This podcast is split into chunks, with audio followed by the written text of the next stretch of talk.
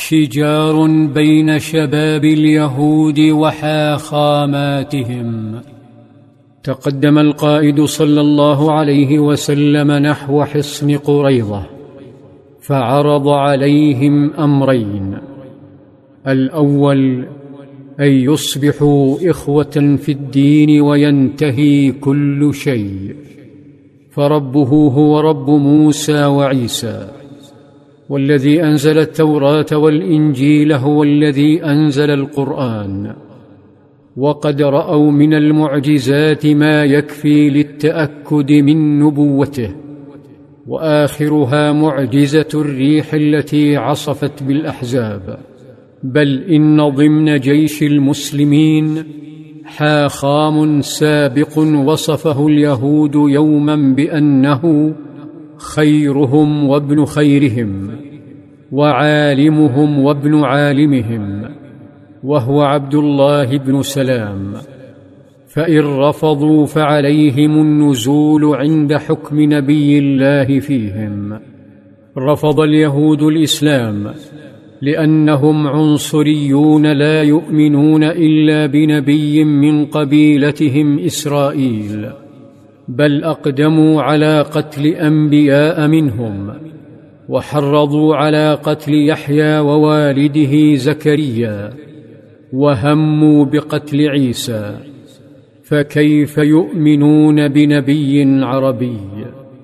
وفجأة تعالى الصراخ داخل الحصن دب شجار بين حاخامات قريضه وثلاثة شباب.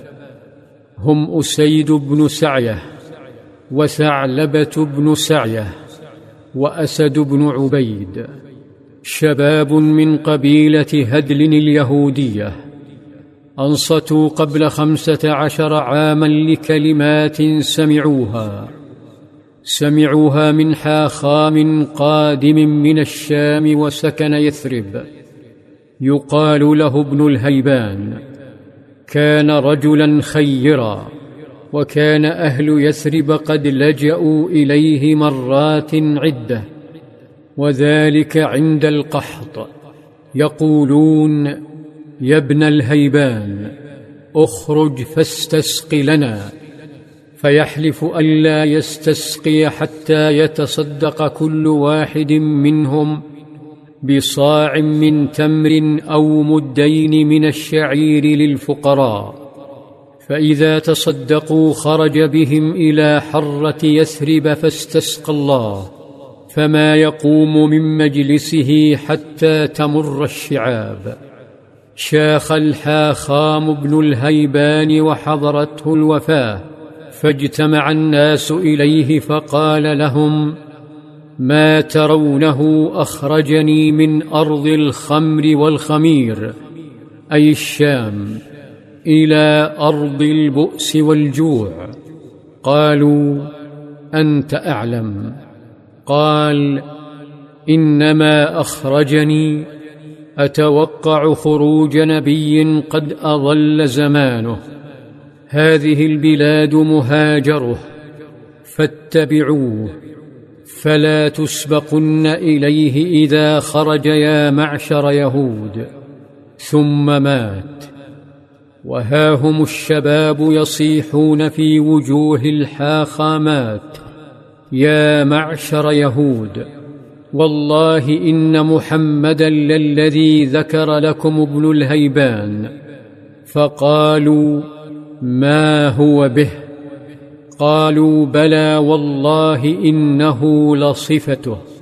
لم يهدا الشجار لكن بوابة الحصن فتحت. فإذا بالشباب يخرجون يمشون بإجلال نحو النبي صلى الله عليه وسلم ليعلنوا إسلامهم بين يديه ثم عادوا إلى الحصن. فأخرجوا زوجاتهم وأبناءهم. أرتج اليهود وأفحموا وتشاوروا. وبعد التشاور أطل يهودي وصرخ مناديا بحل ثالث.